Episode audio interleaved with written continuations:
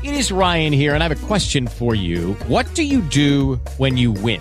Like, are you a fist pumper? A woohooer, a hand clapper, a high fiver. I kind of like the high five, but if you want to hone in on those winning moves, check out Chumba Casino. At ChumbaCasino.com, choose from hundreds of social casino style games for your chance to redeem serious cash prizes. There are new game releases weekly, plus free daily bonuses. So don't wait. Start having the most fun ever at ChumbaCasino.com. No purchase necessary. VGW. Void were prohibited by law. See terms and conditions. 18 plus. Tell me what you doing, man.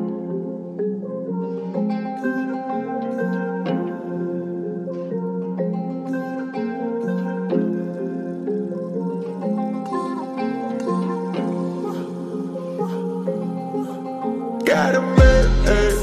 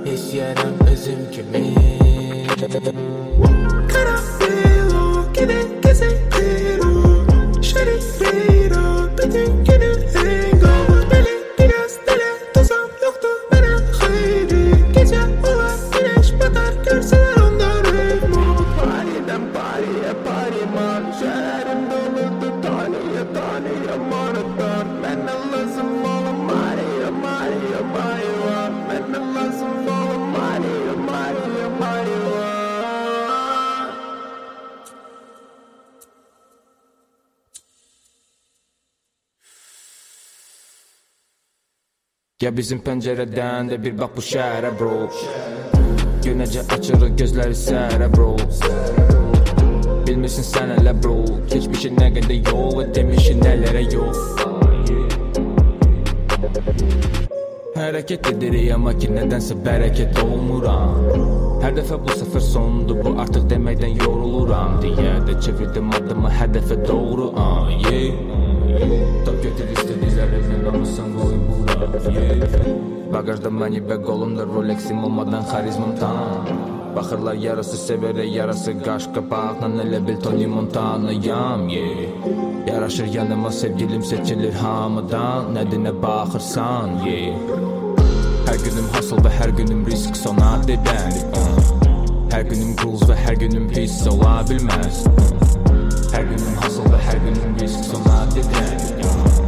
Hər günüm rules və hər günüm pis ola bilməz Ola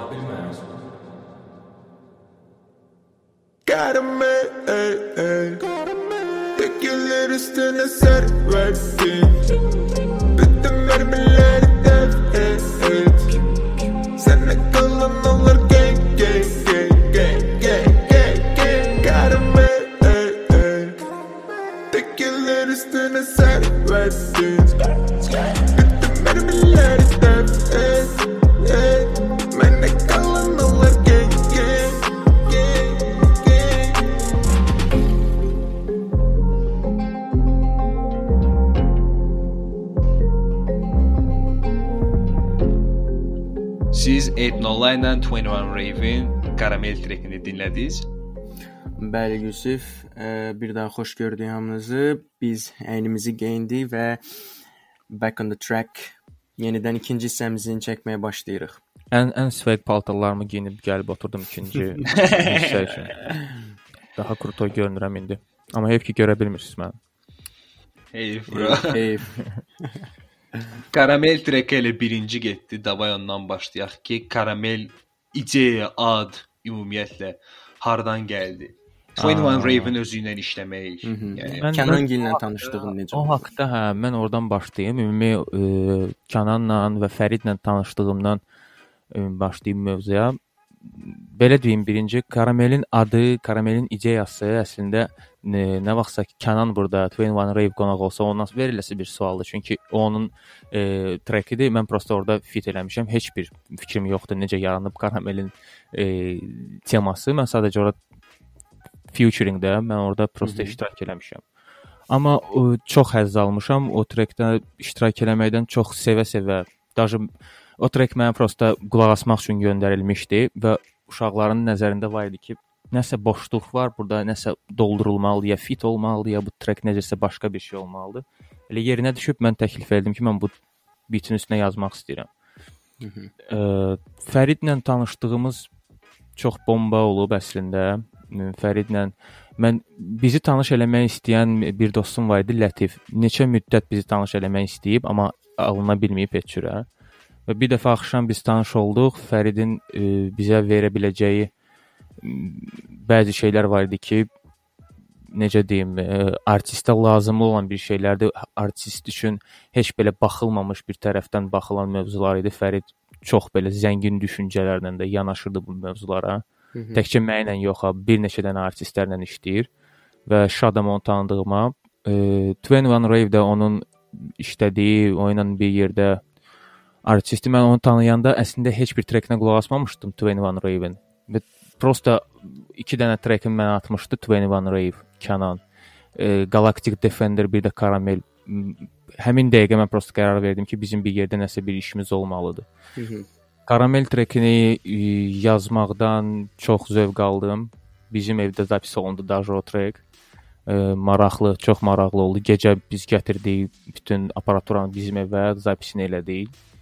E, Ya onun öz vibe-ı da var zaten. çox çox bomba bir yerdə bir yerdə işləmək vibe var idi ki, orada zapis momentində treki yazmaq, ə, ədlibləri orada eləmək, Kənanla işləmək vəbşi çox zövq verdi mənə.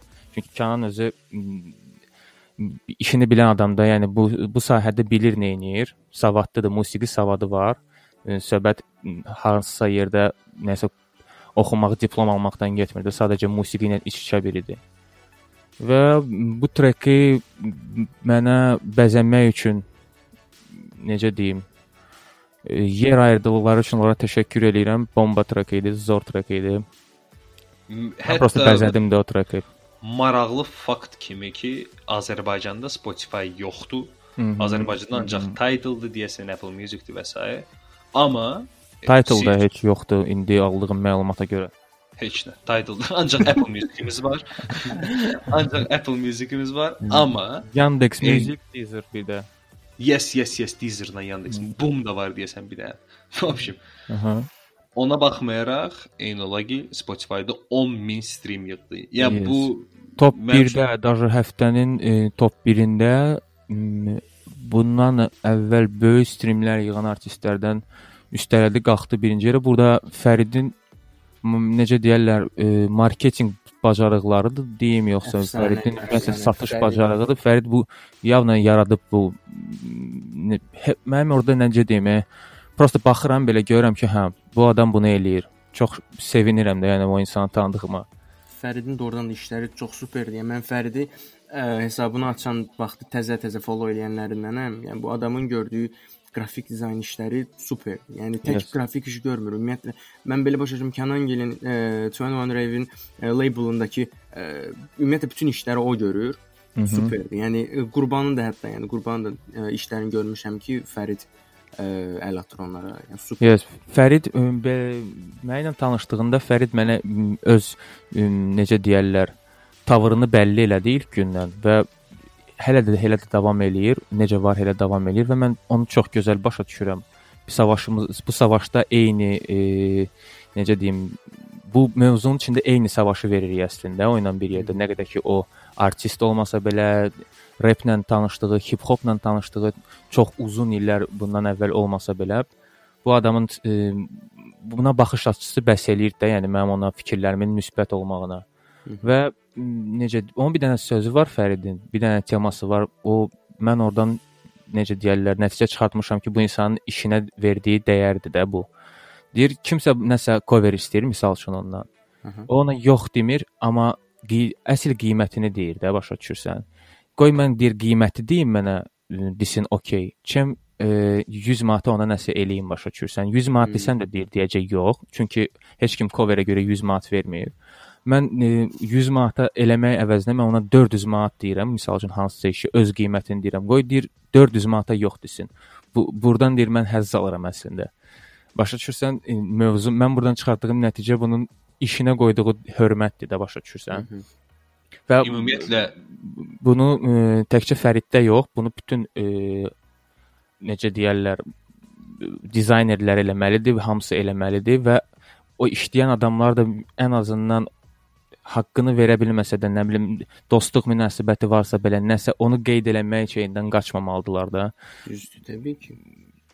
Yəni o da məsələn bizim ə, əvvəlki podkast, yəni birinci hissədə dediyimiz kimi ə, öz üstünə düşən işi Ay sağ ol, keyfiyyətli şəkildə görür ki, zəncirvari gedən bu belə deyək də yol qırılmasın. Hər şey qaydasında Ən ən xırda şeyə kimi fikir verir bütün yəni iş görən insanlar və onda nəsə maraqlı bir şey ortaya çıxır. Yes ümumiyyətlə çox sevindirici haldır ki, Spotify-a, Apple Music chartına girəndə nie to что mənasız mahnılar, amma yəni təzə çıxan artistlər, hip-hop mədəniyyətini artırmaq, daha inkişaf elətdirən artistləri görəndə adam deyir ki, "Vsyo, Yes. inkişaf yerindədir." Başa düşdün? Yəni mən sevinirəm ki, açığı Karamel treki olsun, başqa trek, Azrep trekləri olsun. Yəni keyfiyyətli iş insanlar tərəfindən bəyəniləndə mənə ləzzət edir. Yes, keyfiyyətli iş e, yaratmaq əslində çox çətin deyil. Keyfiyyətli işi 2 dəqiqənin ərzində də yaratmaq olur. 5 dəqiqə. Əslində ən belə keyfiyyətli, ən bomba işlər prosta anlıq yaranan işlərdir. Karamel də əslində elə bir proyekt kimidir də müəyyən qədər. Və bu çox çətin deyil keyfiyyətli nə isə eləmək. Önəmli olan onu keyfiyyətli təqdim etməkdir. Keyfiyyətli olduğunu olduğuna inandırmaqdır. Yalandan yox da təbii ki. E, keyfiyyətli təqdim eləməkdən asılıdır hər şey. Mən deyərdim e, artistlərin arti ümumi bütün sahədə, bütün yəni e, bütün sənətçilərin belə deyim də qlobal e, qlobal insanların görə biləcəyi bütün pro profilləri, akkauntları hamısı sonuncu nöqtəsinə kimi yerində olsaydı bundan əvvəl düzgün bioqrafiya falan hər şeydə yerində olsaydı qlobala çıxmaq mövzusu indi bu dəqiqə bu qədər belə şey getməzdi. Artıq qlobala çıxmış bir şəxs də olardı Azərbaycandan. Qlobalda nə bilim başqasına fit eləyən də olardı. Prosta fikir vermədiyimiz, diqqət eləmədiyimiz bəzi nüanslar var, bəzi Detal insanların çox deyə, De- adamı ən ləzzət eləyən elə detallardır. Yes. Sən işləri iş gördüyün insanlarla yenə orada öhdəliklər və unutduğun momentlər var ki, hamımız bunu eləmişik vaxt ikən və indi hal-hazırda bu şey üçün çox belə çaba göstərən, vuruşan ə, Fəriddir və 21 Raven albomunun üstündə onlar çox ciddi işləyirlər, keyfiyyətli işləyirlər və keyfiyyətli təqdim eləmək üçün çalışırlar. Və bu o deməkdir ki, bu o deməkdir ki, bu insanlar e, bilirlər də nədir söhbət. Temadan xəbərləri var. Aldatmağa qalsa hamımız necəsə aldada bilərik. Bu bomba trekdir. Bu trek çox bomba trekdir. Bunu dinləməlisən. Bunu eləmək də asandır. Sadəcə keyfiyyətli işi keyfiyyətli təqdim eləmək lazımlı bir şeydir. Ən azından bu qlobala çıxmaq mövzusu üçün bunu eləsək çıxarıq. Yes. Yes. Təlixey karamel, hamısı bir qırağa. Sən partlayış albomun çıxır eynilə. Həyat Cruz. Yes, yes. Biz neçə aydır gözləyirik çox uzun müddətdir ki, bu mövzu gedir, albom olsun, yoxsa 2 dənə EP olsun, EP birinci bu olsun, o olsun, çox mövzular gedib. Ə, başa düşdük ki, artıq nəsə bir trek vermək əvəzinə, klip vermək əvəzinə biz nəsə maraqlı EP verməliyik, albom verməliyik. Çox götür qoy elədim mən. Ə, götürdüm, qoydum, götürdüm, qoydum. başa düşdüm ki, EP yox, albom eləməliyəm. Mənə ümumiyyətlə albom birinci dəfə anons olunanda mənə iki şey cəlb etdi. Aha. Konkretik olaraq iki şey. Biri albomun cover idi.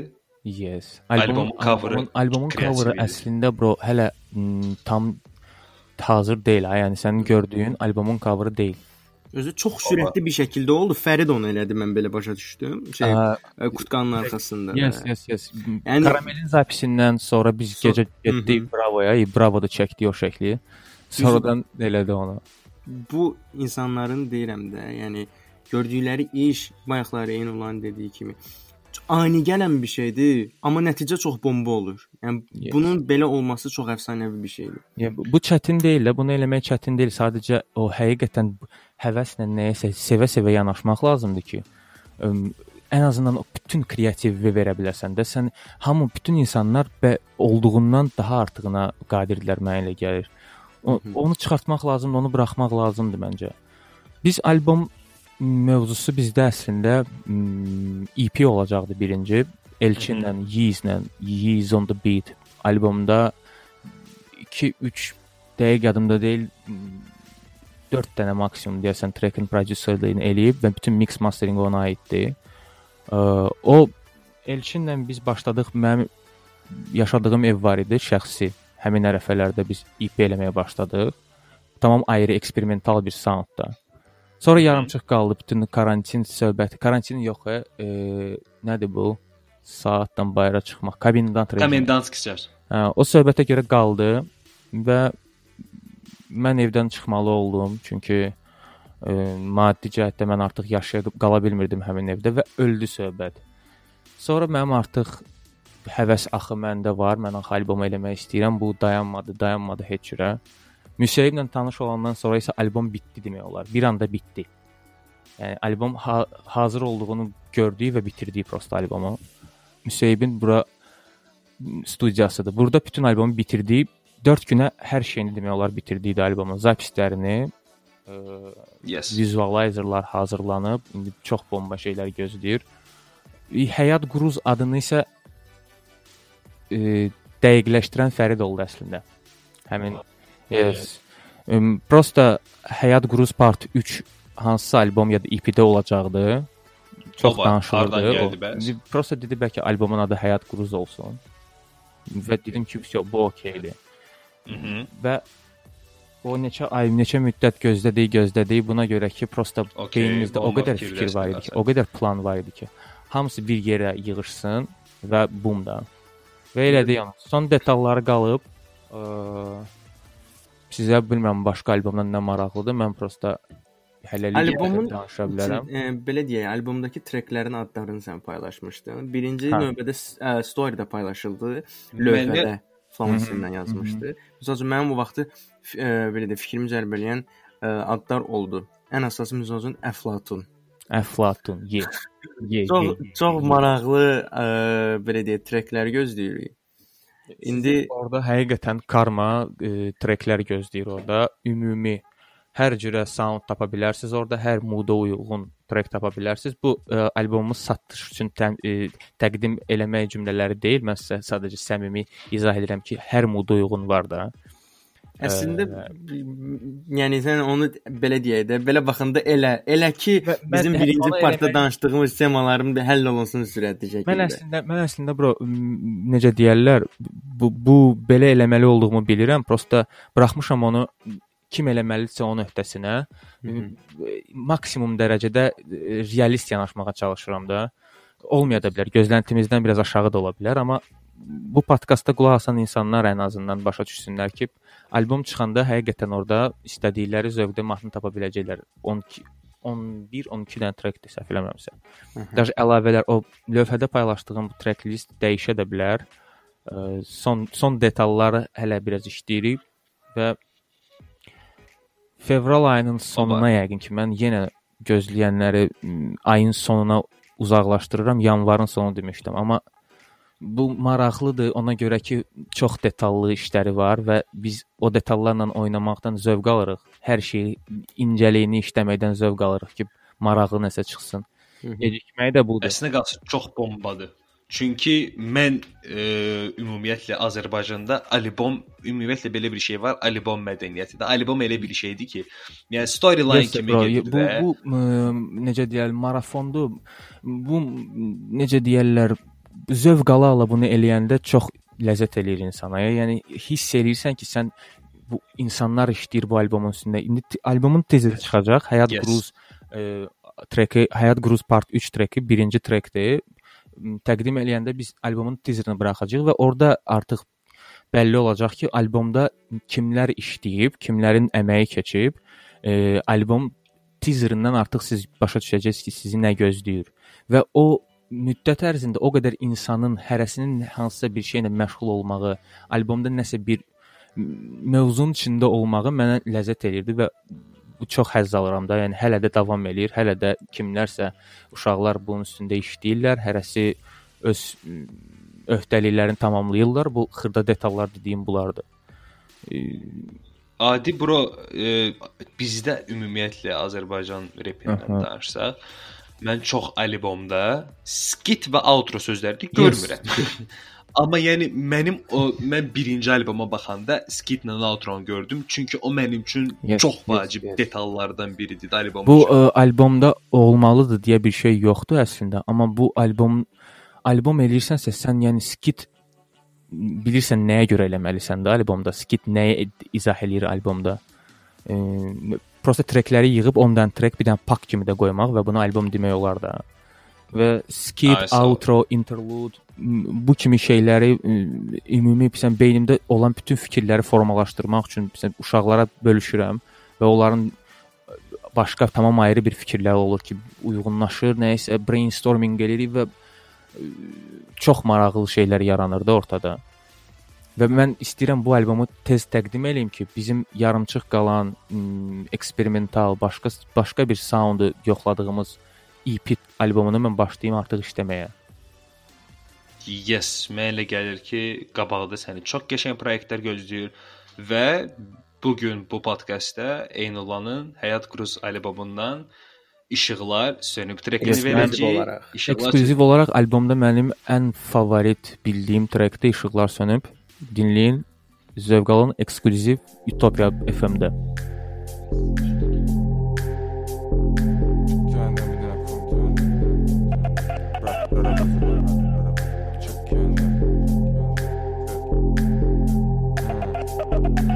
Çıkkəndə bir dənə krok vurub qatlara vızıbat görüşüb oturun ay sal. Yığışıb böldürün birlikdə həmin o dəyərsiz vaxtı vızıb Vurun çayda menozu day sal. Havada qaralır asta asta qapras Havada qaralır asta asta qapras Dur tərpən evə tərəf artığı giri qapısını bağla qara suvaqlı otağın Rahatlan əyləş bax monitora ay sal. Havada qaralır asta asta qapras Havada qaralır asta asta qapqaz Aç qulağı yaxşı yaxşı eşidələ göt. Özü belə özünə güvənmirsəndəki o balaca göt. Elə belli unutmusan sən kənd dalısan ya Qatıq uçal ya da qatıq uçal Amma çalış ki bir də heç vaxt bizə Batmanitolar ay sal Batmanitolar ay sal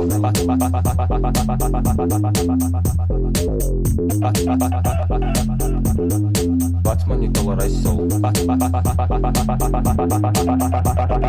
Zəng elədinə soxsun içinə abilərin Doğmalarımdır çevrəliyən bütün dairəmi Dairəli getsən ki getməsən daha yaxşı olar. Çünki mən etməyəcəm müdaxiləni bratlarıma ah. Qızıl əliflərlə yazılan adları tapdalayar Nike-lərim. Ah. Üzü-üzə göstərir fak bir əlim O biri əlimdə sıqlaq. Yaxşısı bir də bizə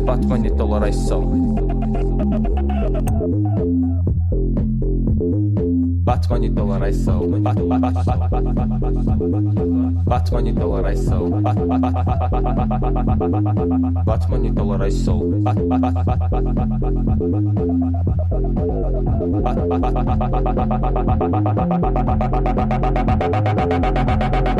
Alış gibi de bize Batmani dolaraj sol. Bat, bat, bat, bat, bat, bat, bat, bat, bat, bat, bat, bat, bat, Mən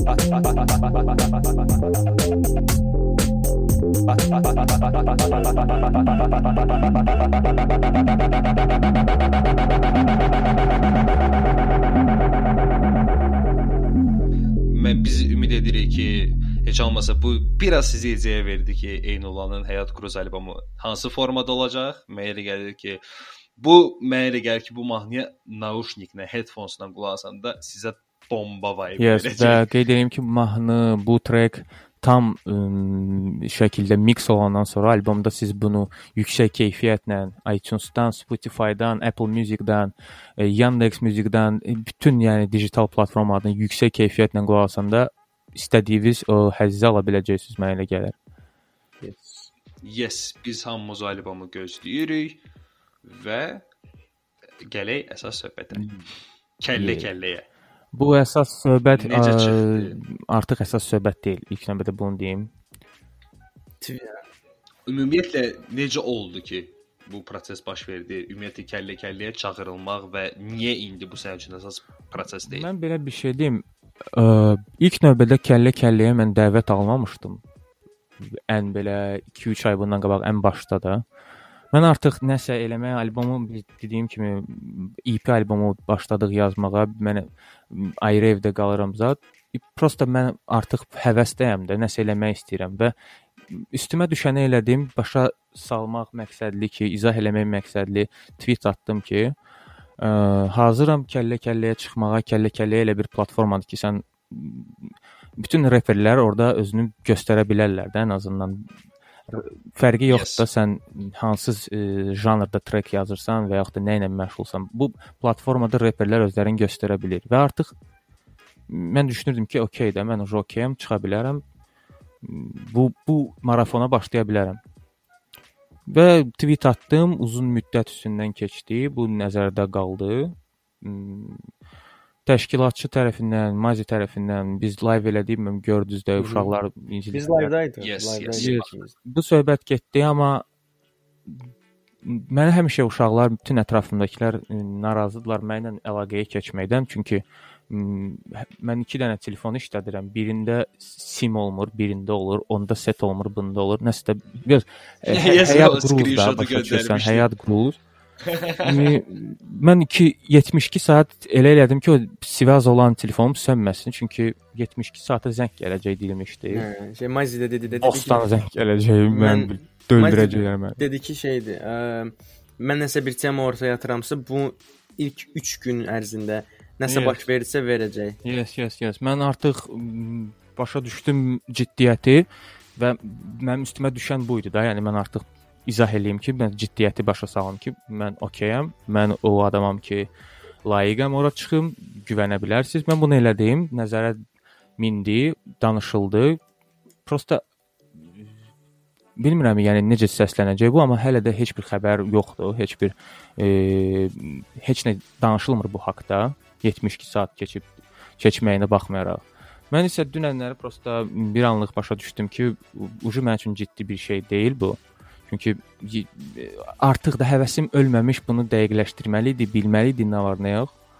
Və tweet atdım, bilmirəm nə necə olacaq, həvəsim tezdən yarana bilər, marağımı nə oyadar, bilmirəm, yəni. Amma hələ də m, əminəm ki, mən kəllə-kəlləyə məni e, qane eləyən şərtlərlə çıxsam, bomba performans göstərəcəm və əminəm ki, orada nəsə nəsə bir vibe ötürəcəm də başqa bir maraqlı vibe ötürəcəm. Mənə elə gəlir ki, çox maraqlı bir ə, epizod alınardı həmin Yes. də. Ümumiyyətlə ə, live-da da demişdin, beynində hansı adamlardı? Sən necə adam çıxanda kəllə kəlləyə çıxmaq istəyəndə beynində fiksasiya edib ki, mən bu adamla çıxsam çox Yes, olardı. ə, məndə o o düşüncələr olub.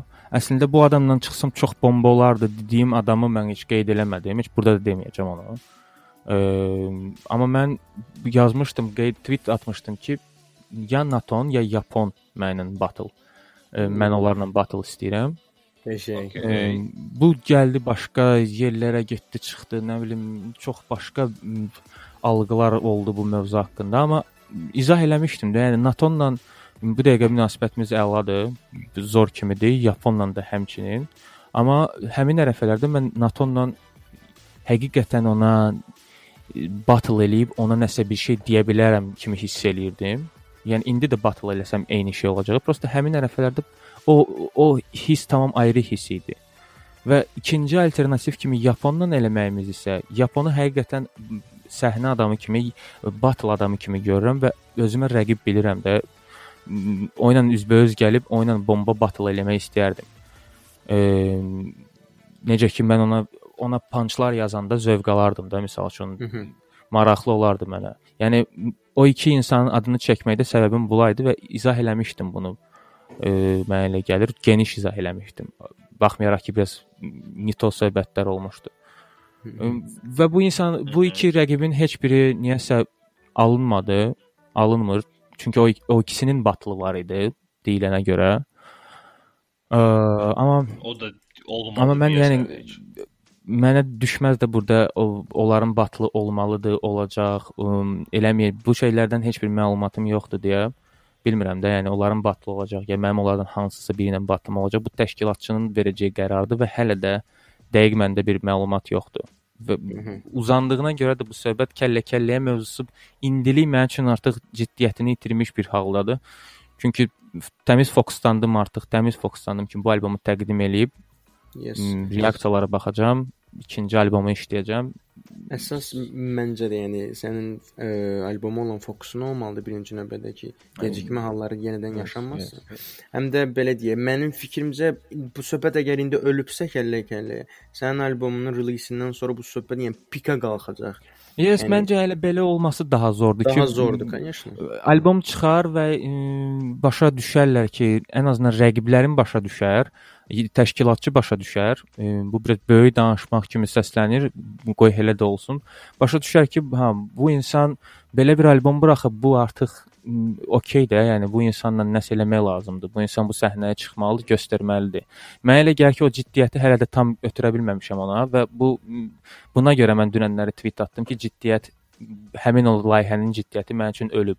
Qoy albom çıxsın, tam olaraq mən izah eləyim ki, Nəyə bombadır hər şey, hə, nəyə qadirəm, nə etmək istəyirəm.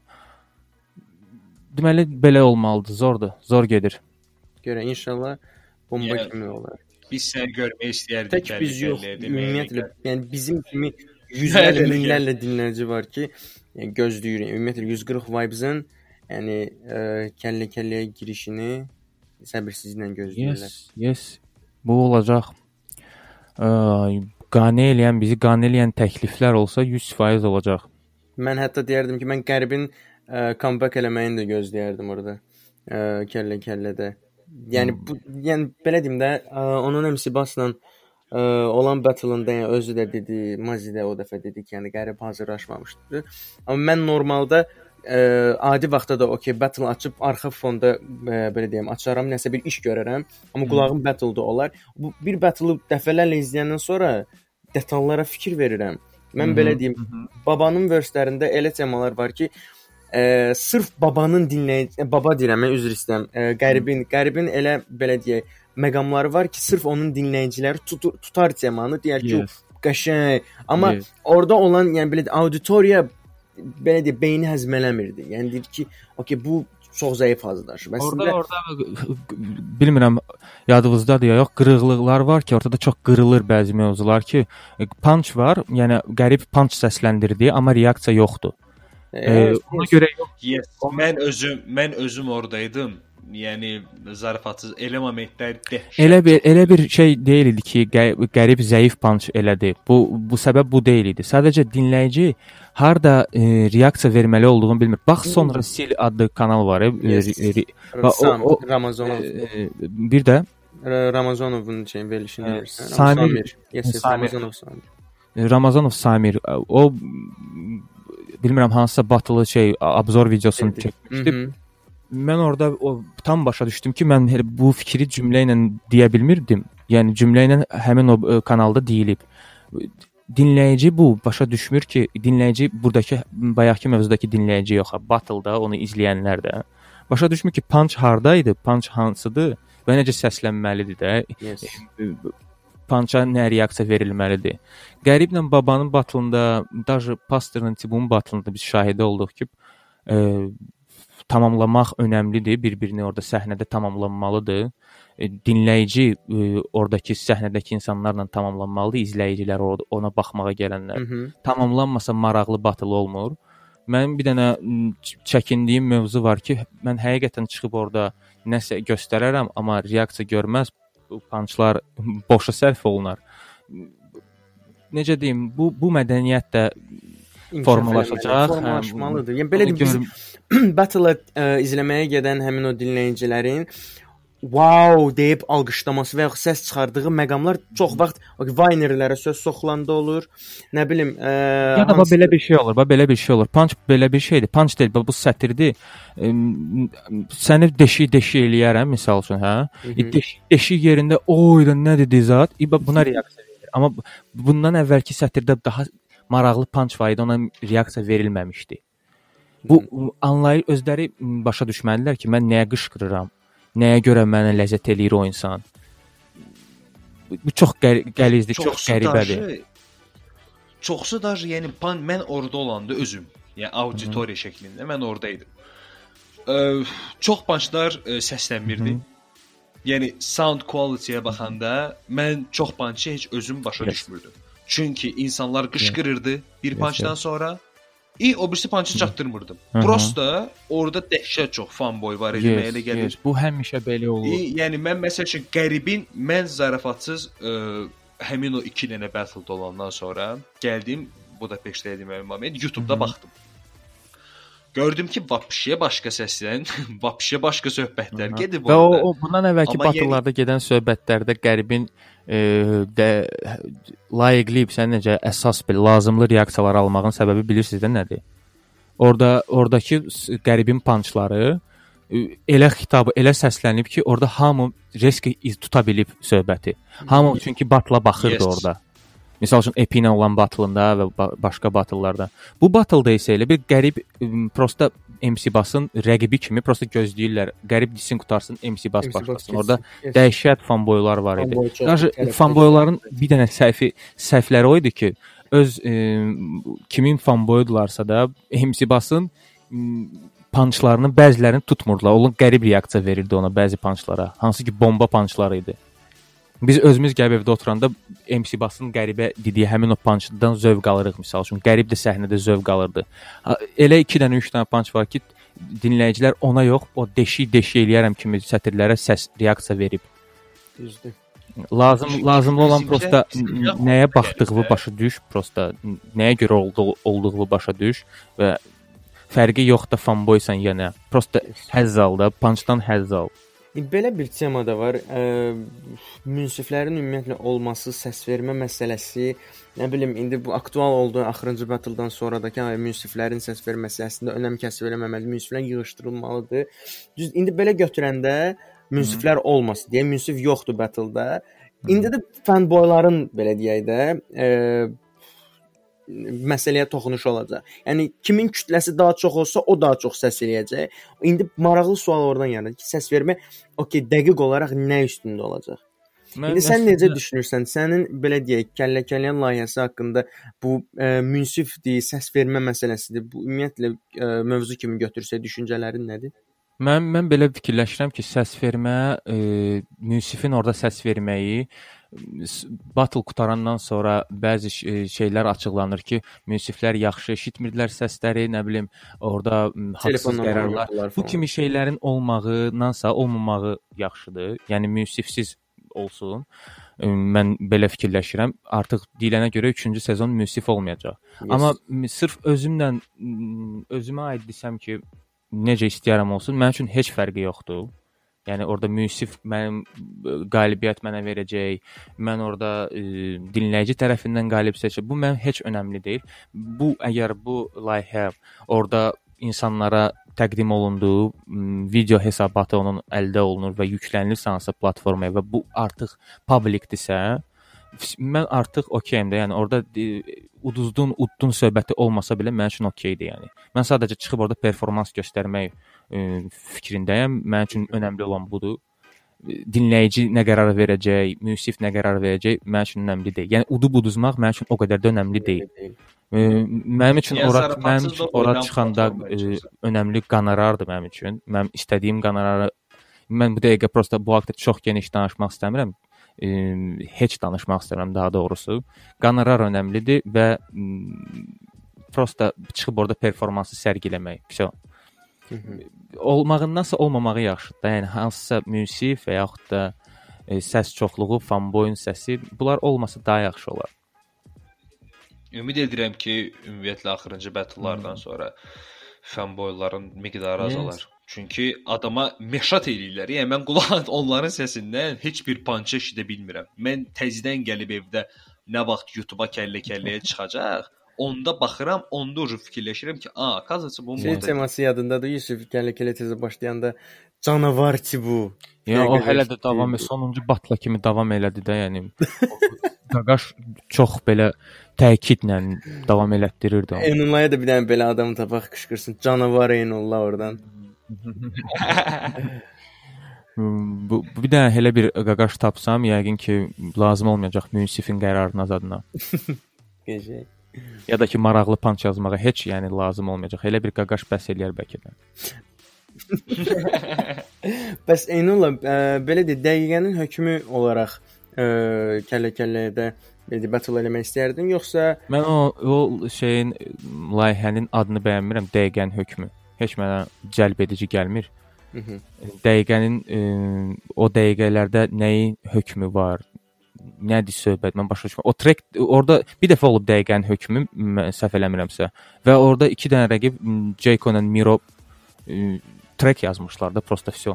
bir də şey ə, Epi ilə telefonda olmuşdu. Amma belə deyim, Epi ilə Tefoda tamam ayrı idi. onlar Epi- yes, onlar bir-birlərindən elə bil bir yerdə eləməmişlər də. Amma Jayco ilə Ha. Miro'da birlikdə gördükləri aydın. Tefo ilə e, Epidə də deyərdim ki, eyni söhbət idi. M, Tracklər yazılmışdı, amma performans önəmli, hər yerdə önəmlidir. Önəmli. Epi orada yazdığı track olsa belə, nə olsa belə o performansla prosta Sənin live-da bir sözün oldu. Dedi, ə, Mazi dedi ki, sən Tef- Tefo ilə çıxaraq sən dedirsən ki, Tefo Epi ilə battle-dan sonrakı o dəyişiklikləri indi lekaplasterlə Hə, yapışdırıb. Tefo sadəcə. növbəti batıla 5 dənə lekaplasterla üstündə çıxacaq bu biznes köynəyin üstündən özü də. M, bu açıq-aydın gözlə görüləndir də, yəni Yəni məncə onu təkcə biz yox, bütün Azərbaycan rəfi gördü. bir dənə Tefo görmədi. Bilir ki, daha. Hə, Məncə o hələ salam verməkdədir ona görə. Nə bilim, e, mən nə bilim. e. Mən Dəqiqən hökmü zət bilmirəm. Eynola meynola bilmirəm. Görək. İnşallah yaxşı olar. Ümidlərimiz böyükdür. Yes. Belə, ə, Yusuf başqa Yes. maraqlı teman var idi sənin. Yes, bizdə ə, mənim bildiyimə görə ə, belə bir bif var idi. Galifianakis bədlə eyni olar. Səhv eləmirəmsə. Galifianakis band. Yes, o nə söhbətdir? Gəlin burada aydınlaşdıraq. Mən belə bir şey deyim. Galifianakis band hələ ki ə, bi, bizi ilə bifdə ola biləcək ən layiqli banddir. Amma ə, bilmirəm onlar bunu belə qəbul eləyiblər ya yox ki bi- 140 aramızda bif var ya yox. Çünki onlar biraz şeydilər axı, nə bilim. Ən layiqli ə, adamlardır ki, onlarla zövq alaram dalaşmaqdan. yəni ki, battle eləməkdən geri söhbət. Fərqi yoxdur Yes. səhnədə yaxsınızda. Ortada bu bu, söhbəti aydınlaşdırmaqdan zövq alaram. Ə, amma ki bu yekunlaşandan sonra artıq layiqli olmayacaqlar məncə kimi nəsə şey eləməyə, bif yaratmağa, nəsə eləməyə. M, vi- Bombadır hər şey, çox bombadır. Prosta Mhm. necə deyim? Vizyon söhbəti var ortada. Bu vizyon əgər ortadan qalxsa xuyni olacaq. Vizyonu Mənə toparlaya bilsək, mənə elə gəlir ki, hər iki dənə e, iki label bomba bif göstərəcək. Və bunun yaranmaq səbəbini heç danışmaq istəmirəm. Önəmli deyil çünki e, bir-birimizdə əgər treklər eləsək, nəsə dis olsa, nə bilim, nə atmaca, nəsə bir mövzu olsa treklərdə olmalıdır. İ treklərin içində başa düşülməlidir bu söhbət. Hardan başlayıb, niyə başlayıb kimi şeylər mən danışmayacağam. O Həyat Cruz albomunda liriksdə sözlər var. Ə, bu- haqqda da deməyəcəm, bu sürpriz olsun da qoy.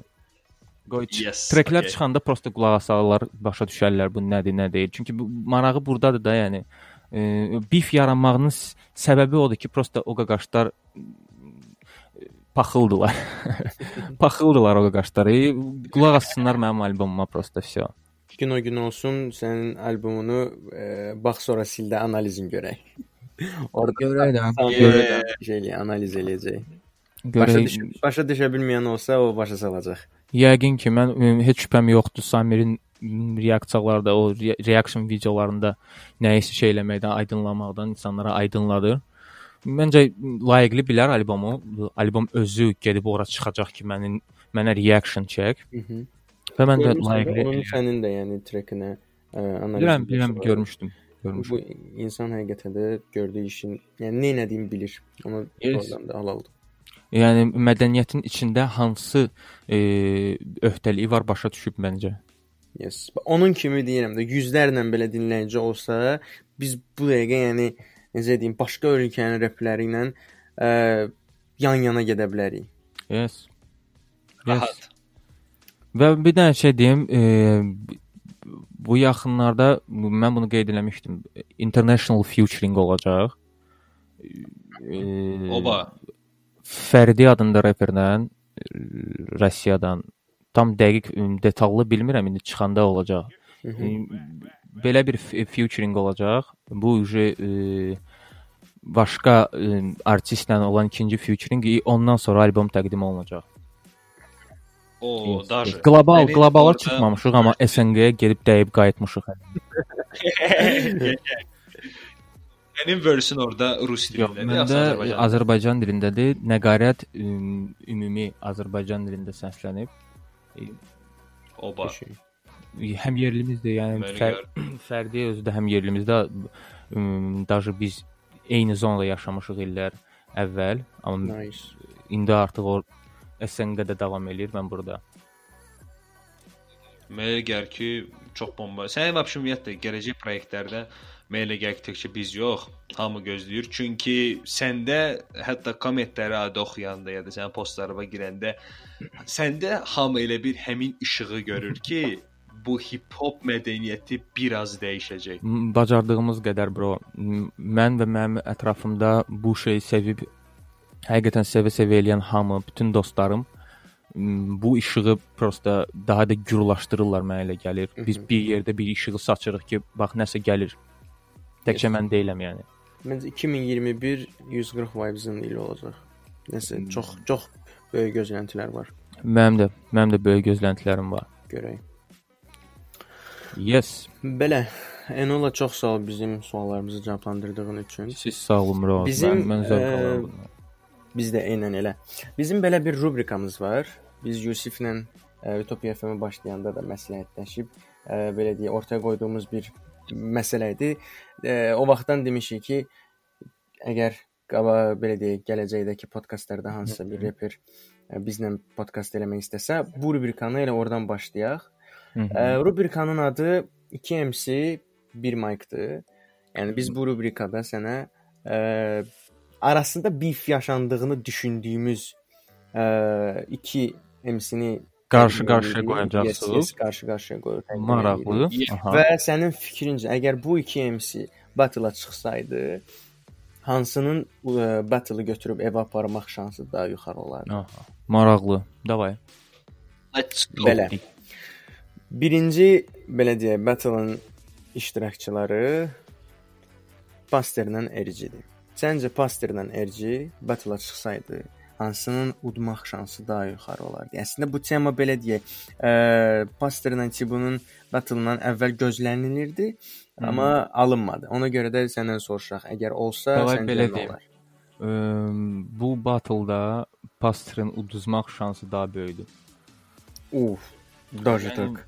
Də- Hə, Tibuya əgər Paster ə, o cür açıq ara fərqlə uduzdusa, ə, Paster orada m, lazımlı şey eləyəcək, amma ki məncə artıq ona lazım deyil orada udmaq, uduzmaq və uduzmağı daha şey mənim mənim gözümdə uduzacaq mən. O battle-da da məncə Paster uduzacaq və lazım olan da budur mənə elə gəlir. Qəşəng. Bəs Evet, Ercin Paster. udmağı lazımdır da. Yəni Erci bir dəfə batla çıxsın, udsun, nəsə göstərsin. Yes, mən elə onu soruşmaq istirdim. Yəni səncə RC-nin heç bir, yəni özünün dediyinə görə o vaxt yəni underground battle hansılar keç çəkilib qoyulmurdu internetdə. O vaxtı battle-lar olub, amma bizim heç bir battle-ın ki, olub, görüb- sözsüz ki, biz ə, bu ə, özgüvən elə belə yerdən olmaz məncə Ercidə. yes, Treklərindən yəni də bu əksini tapıb, amma ki Əgər görməmişiksə bir battle, səncə Görməmişiksə, hə. onun udmaq şansı daha yuxarıda deyirsən. Ə, o bir adamın batılını görmüşük və uduzduğunu görmüşük də. Həmin adamın uduzmaq şansı daha çoxdur. RG ilə Timboli. RG onu udacaq demirəm, prosta pastır uduzacaq. Okay. Yəni açığı Paster'ın axırıncı battle uduzmağı məncə onun udmağından daha yes, çox yəni nailiyyət Paster'ın orada uduzmağı ən düzgün idi ki, udmağı.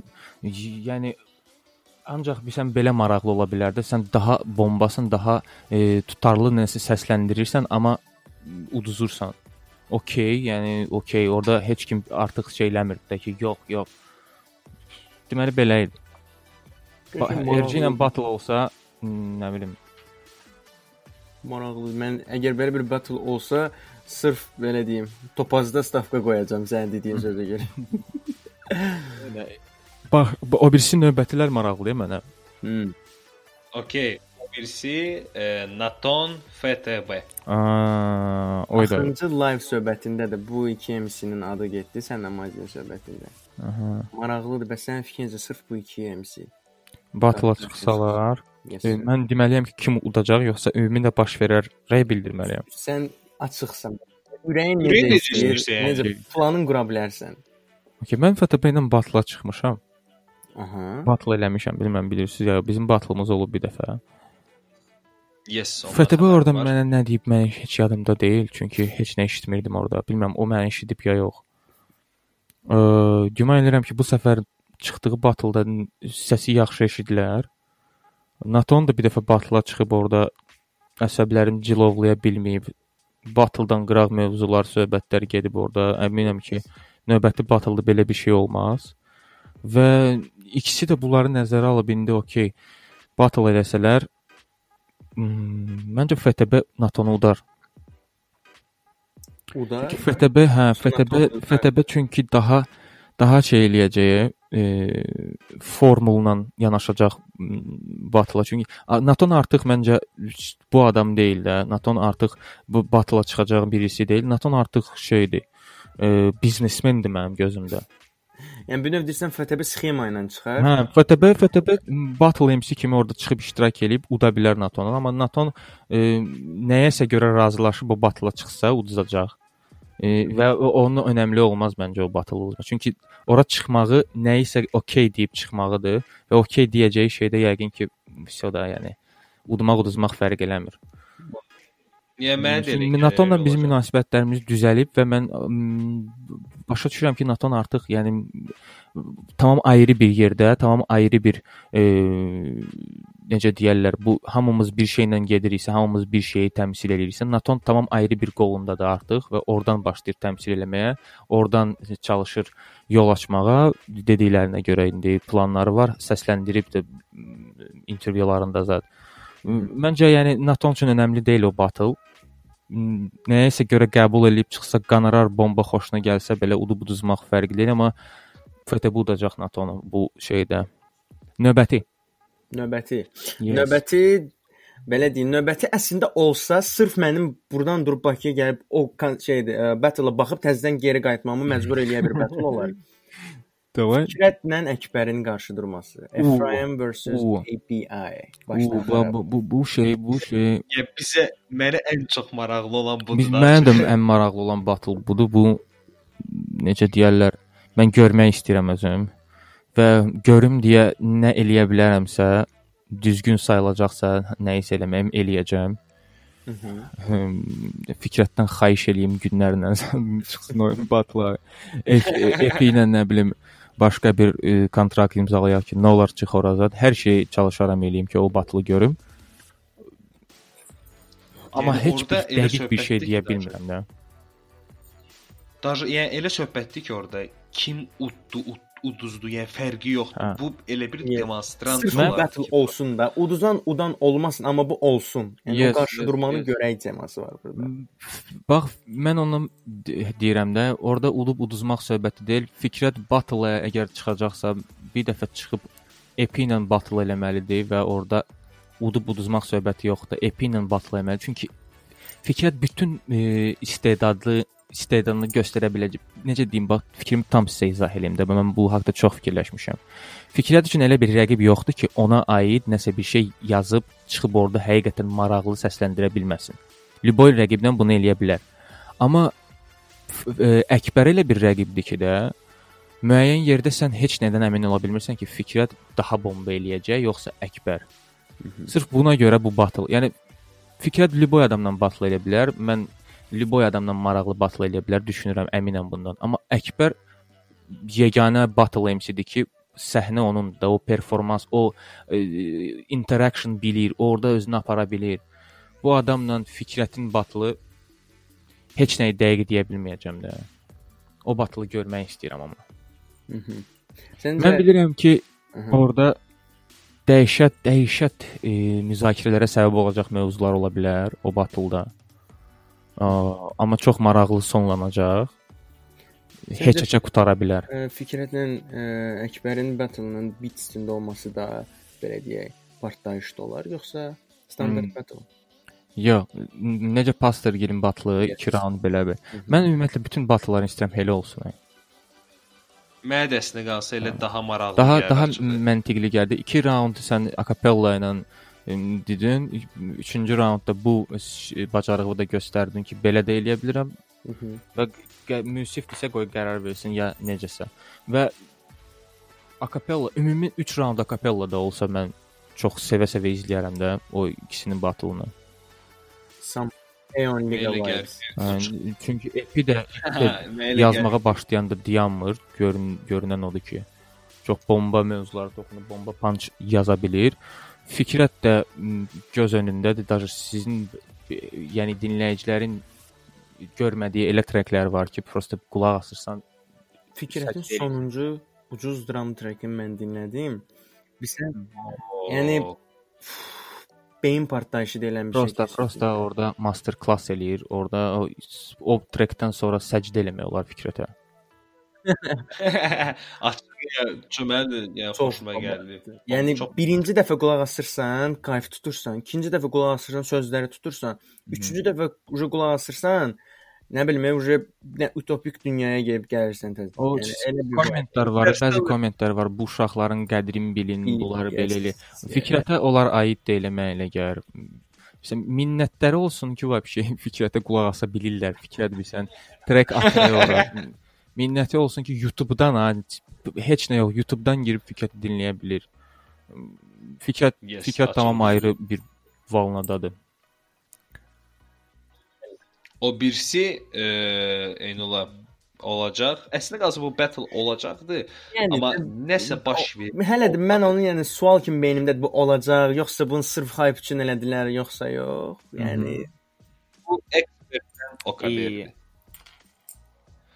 Bu vəbşə başa düşmədim bilirsiniz orada. özünüz. Nə- Eşidəndə o şey canlanırdı beynimizdə, o səhnədə ikisi. mənim beynimdə bir dənə bir akvariumda akula ilə bir dənə canavar qabaq-qabağa söhbət edir. Belə yox, yox, bro. Mümkün mən heç formalaşdıra bilmirdim beynimdə o səhnəni. Yəni o battle-ı qırağa qoyaq. e. Ümumiyyətlə battle-ın yəni söhbəti var idi ya ki, kim udursa mikrofon qoyacaq. Elə bir temanın ümumiyyətlə qoyulması, yəni mən bir növ ya, ya, realistik danışaq da. yox, yox. Açıq danışaq. Qeyri-mümkün bir şeydir təbii ki. Qeyri-mümkündür, hə, dəxlisizdir. Dəxlisizdir. Sən illərdir nəsə eləyirsən ki, səndən daha üstün bir adam çıxsın, sən udsun və Yes. başlasın səndə. Bu bu Ümumiyyətlə gündəm idi 100 bəlkə də, hər nə isə indi dəqiq bilmirik. Maraqlı idi onlara yəqin ki. Amma o battle-da mm, 100% ekspert tutacaq. Olsa əgər. Yeah. Mənə də də elə gəldi. Amma Nəsə, yəni o tema mən də fikirləşəndə elə gəlir, amma mm, sizcə nəyin hesabına maraqlıdır? Onun hesabına ki, ekspert necə deyim, daha e, yeni nəsillə yaxşı ayaqlaşa bilir kim Okaber. Və Yəni, Okaber ekspertin belə deyək də, bu təkamül e, periodu sən deyirsən ki, uyğunlaşır da, yəni. Hə, mən bu mənim fikrimdir, bu mənim şəxsi fikrimdir. Mən belə düşünürəm ki, ekspertin artıq hər hansı bir çərçivəsi yoxdur. Mhm. Ə, Amma o Okaber treklərində, hmm, sətirlərində filan hmm, daşı batla çıxacaqsa, batldakı tekstlərində müəyyən çərçivədə olacaq, müəyyən görünüşü qorumaq məcburiyyətində olacaq. Yəni bunu mən belə hiss eləyirəm, belə görürəm də prosta. Sırf bu səbəbdən ekspertin rahatçılığı daha göz önündə olacaq və ekspert udacaq məncə. Mhm. Yes. Maraqlıdır. Görək, əgər qismət olsa belə bir battle olsa, mən də səbirsizlə gözləyirəm. Olar. 100 min, 100 min 100 manat oldu. Vaxt onun bir sözü var. Deyir, battle eləyirsən. Deyir, ortaya qoyursan 100 min manatı. Bəs bunu harda eləyəsən? Bunun biletin qiyməti neçə olacaq? Adi konsertdə 10 manatlıq bilet alıb getmək istəməyən dinləyicilər məcburiyyət qarşısında qalıb necə eləyəcəklər də bu? Çox çox böyük bir addımdır ya, yəni bu olsa çox böyük bir şey. Yəni Bu belə deyək, 2 ay şeydən danışmaya bilərik. Dinləyicinin, nə bilim, öhdəliyi, nə bilim, dinləyici trek almadı. Bu, bu söhbətlərdən danışmaya bilərik əgər bu reallaşsa. Ya zarafatsız çünki ya ha, ha, massivlidir. Əgər o böyük bir ehtimalın qonorarı çıxarmaq üçün bu hansısa bir stadionda yer almalıdır Yes. və ümumiyyətlə insan sayı əgər də ə, zarafatsız əgər o qədər adam yığılsa, bu açıq-aydın deməkdir ki, 1-2 ildə və ya yaxın 3 il az azrep hip hopu çox ümumiyyətlə inkişaf eləyir. Ya əgər Yəni, əgər olsa, inkişaf. olsa və çox inkişaf eləyib özdə necə 1 2 3 3-dən sonra birbaşa 30-a qalxdı da başa düşürsən belə bir şey Yes. olacaq. İlk dəfə e, qonorarla battle təşkil olunur çox kiçik məbləğlə və sonra isə onun 10 qatı m, qonorar çox belə nə bilim təsəvvür eləyə bilmirəm mən. Çox böyük məbləğdir. Yəni bu Çox böyük təsəvvür məbləğdir. həm e, məbləği, həm ümumiyyətlə yəni bu temanın özü, e, reperlərin özü, yəni nə bilim dediyim kimi də utopik bir fikirdir bu da. Yəni bu, bu, bu məbləği, bu qonorarı deyən adam o, bilir də nə etməlidir də məncə. məncə yəni orada udmaq, uduzmaq söhbəti, e, nə bilim müsif qərar verdiysə, bu heç nəyə 100 min qonorarla qonorar alıb batla çıxacaqsa, heç görmədiyimiz şeylər göstərməlidir yəqin ki bizə. Yes. Bax temada oldu. elə Yəni gəlir. onun qarşılığında bir şey görməliyik də. Sadəcə sadəcə 3 raundda cəmi bir dənə nəsə bir şey eləyə bilər. Hər 3 raundda dolu-dolu şeylər eləyə bilər. Yəni nəsə bir bir şey olmalıdır ki, o bizi təəccübləndirsin, dəhşətə gələk sadəcə. Mhm. Yəni ən azından 100 min qonorarın şeyinə də xətrinə. Yes. Növbəti var, yoxsa Növbəti sonuncudur. Ə, yəqin ki, sən də yəni bu tema haqqında bilirsən. Bu iki şəxs arasında böyük bifləşmə oldu. Hələ də yəni davam edən bir şeydir. Drill söhbətindən sonra da təzədən başladı. Qaza Bosla Orxan Qarabasma. Hmm, heç birində battle şeyi görmürəm. Vibe yoxdur. Mən də görmürəm, heç- amma heç vibe ümumiyyətlə yəni, görmürəm. bu iki şəxs belə deyək də Instagramda, storylərdə, live-larda, yəni bir-birlərinə qarşı demədikləri qalmır. Yəni bu insanları çıxarıb səhnə qarşısına, insan qarşısına qoysaq ki, Bu, bu belə səhnə də lazım deyil. Önəmli deyil ki, batıla çıxmaq orada eləmək. Yəni s- storyaya gi- yazdığınız trackə də yaza bilərsən və sən m, be- belə eləməlisən də. Yəni sən repersən axı. Kimdənsə kiməsə sözü belə yəni deməlisən. Hər yerdə Hmm. Hmm, ümumiyyət yəni çox yerdə onun üstə yəni battleground. Yəni hər yerdə var ya Mhm. battleground. Prosta yəni əgər bifləşmə baş verirsə, ancaq e, trekdəki sözlərdən Lazım deyil o gecə ilə yazıb çıxartmaq, bir günə səhər onun cavab verməyə zət. Bu, söhbətdə e, Yes. əgər onu eləyib sonra yazırsan ki, yazacaqsansa ki, e, bir günə yazmışıq, trekin fotkası belədir, nə bilim, e, sətirlər biraz zəifdir, ona görə ki, Reski cavab verdi. Sorry. Bu şey qeyd eləyəcəksənsə, onu sənə heç kim məcbur eləmir gecə ilə trek yaz, səhər onu çıxart. Belə la, belə də lazım deyil. E, sadəcə dinləyici e, haqqında biz e, nəsə irad tutanda dinləyicinin düzgün nə bilim e, gedişatı izlənmir gedişatı, düzgün nə bilim addımlar atmır deyəndə dinləyici üçün dinləyiciyə nəsə maraqlı bir şey vermək, dinləyicini yönləndirmək də bizə düşür. Və bu kimi söhbətlərdə də e, Instagram storylərindən e, material yığıb o ona görə yəni Olqa Qaşlar səhifələri açır da başa düşürsən ki indi e, live açıb mən onu qoyub bir dənə rekord eləyim. Orda nəsə söhbət olacaq. Mən onu paylaşım, like yığaram, nəsə yığaram. Dinləyiciyə sən belə şeylər maksimum verirsən, bu da lazımsızdır. Dinləyiciyə track çıxart ver, dinləyiciyə nəsə başqa bir düşünmək üçün bir şey ver. Düşündürmə lazım deyil. Prosta qoy özünü sorğulasın da bu bifdə, punchlarda, hər nədəsə də başa düşürsən. Nə bilim, o onların arasındakı bifi mən yaxından izləmirdim. Mən ümumi bilirdim Qəzəbosun Qəzəbosun və Sinapsın arasında nəsə bif var. E, mən hər iki tərəflə də münasibətlərim normaldır. Hər iki tərəflə də münasibətlərim nə bilim heç nə demək istəmirəm də, prosta nə bilim. Aha, Neytral. Neytralam. Bəs ə, Enola belə bir tema var. Yəni Qazabos həmişə deyir ki, trap lord mənəm, trapi mən gətirmişəm, trap, trap, trap, trap. Bunu tək Qazabos demirdi. Bunu o qədər rapper var ki, deyir ki, trapi mən gətirmişəm. Rüzgarın özü. Yəni o qədər rapper var ki, bu söz deyir. Səncə belə bir tema ümumiyyətlə var az rapdə? Yəni həqiqətən də trap lord obrazını belə deyək də, çiynində daşıyan bir rapper var bizdə. Trap Lord obrazını daşıyan, Trap Lord adını özü-özünə kimsə verirsə ki, mən Trap Lordam, mən ən bomba trap eləyirəm. O adam yanılır ona görə ki, səhəri gün yəni bax həmin trek çıxandan 1 saat sonra belə bir dənə adam ondan daha bomba trap çıxarda bilər. Ona görə ki, bu beynimizin içində baş verən bir şeydir. Bu kreativlikdir, bu incəsənətdir. Bu yaratmaqdır. Prosta nəyisə yoxdan var eləyirik də biz. Biz trekləri yazırıq, ona vibe qatırıq. Biz onun ədliblər, arxada bəklər, nə bilim, e, hi-hatlər falan şeylər biz bunu yaradırıq. Bu günləri əgər indiki dəqiqələrdə sən trap lordsansa, ondan daha bombasını no name bir insan eləyə bilər, o olacaq trap lord. Nə falan olacaq. Bunları seçib bunları görmək əvəzinə ümumi incəsənətlə məşğul olmaq, ümumi işinlə məşğul olmaq daha bomba olar məncə. Yes, Çünki yenə deyirəm, sən deyirsənsə mən trap lordam, sən prosta həmin dəqiqədən sonra trap lord deyilsən. Çünki sən onu kiməsə dedin və həmin insan artıq səndən daha yaxşısını eləməyə potensialı var. Mhm. Belə fikirləşirəm, yəni e, kreativlikdir, hər şey prosta kreativlikdir. Yes. Trap trap janrını hamı görüb açıq sahədir də, yəni bu rap elə bir şeydir ki, Türk Türkiyədə e, YouTuber var Bərkcan. Mhm. Ən O belə belə- o lazımlı belə- o qaqaş o qaqaş həm YouTuberdir, həm e, filan şeydir, həm nədirsə, həm də mənim üçün çəkil misal çəkməkdə lazımlı bir qaqaşdır ki, mən misal çəkim deyim bax, lazım deyil də rapper sən filan şeylə ölkəyə filan şeyi gətir, nə bilim filan elə filan. Fərqi yoxdur da, bu açıq bir şeydir. Gəlib götürüb başlasan nə ilənsə məşğul olmağa, səhərsi gün elə bir şey yaradarsan ki, bomba olar. Даже R- Rusiyadan ım, daha çox belə şeyləri misal çəkmək olar. Yəni Morgenstern-lə bir dənə qaqaş fit elədi balaca 15 yaşında. Adı yadımdan çıxıb. Aha, yadımdan çıxdı. O qaqaş onda hamımızdan, yəni lorddur da başa düşürsən. Bildim, bildim. Maraqlı. Mən gəlir ki, podkastı burada sonlandıra bilərik. Yes.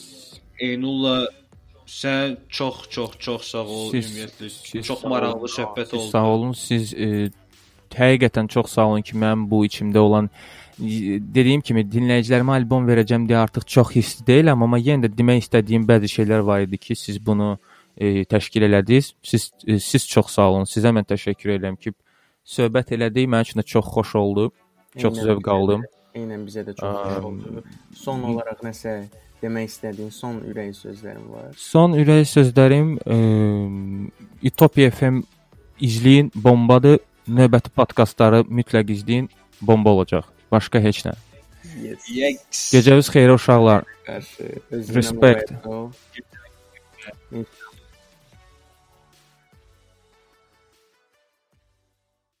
With the Lucky Land slots, you can get lucky just about anywhere.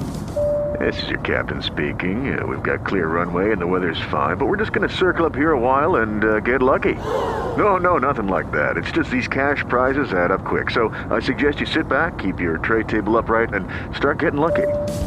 Play for free at LuckyLandSlots.com. Are you feeling lucky? No purchase necessary. Void where prohibited by law. 18 plus terms and conditions apply. See website for details.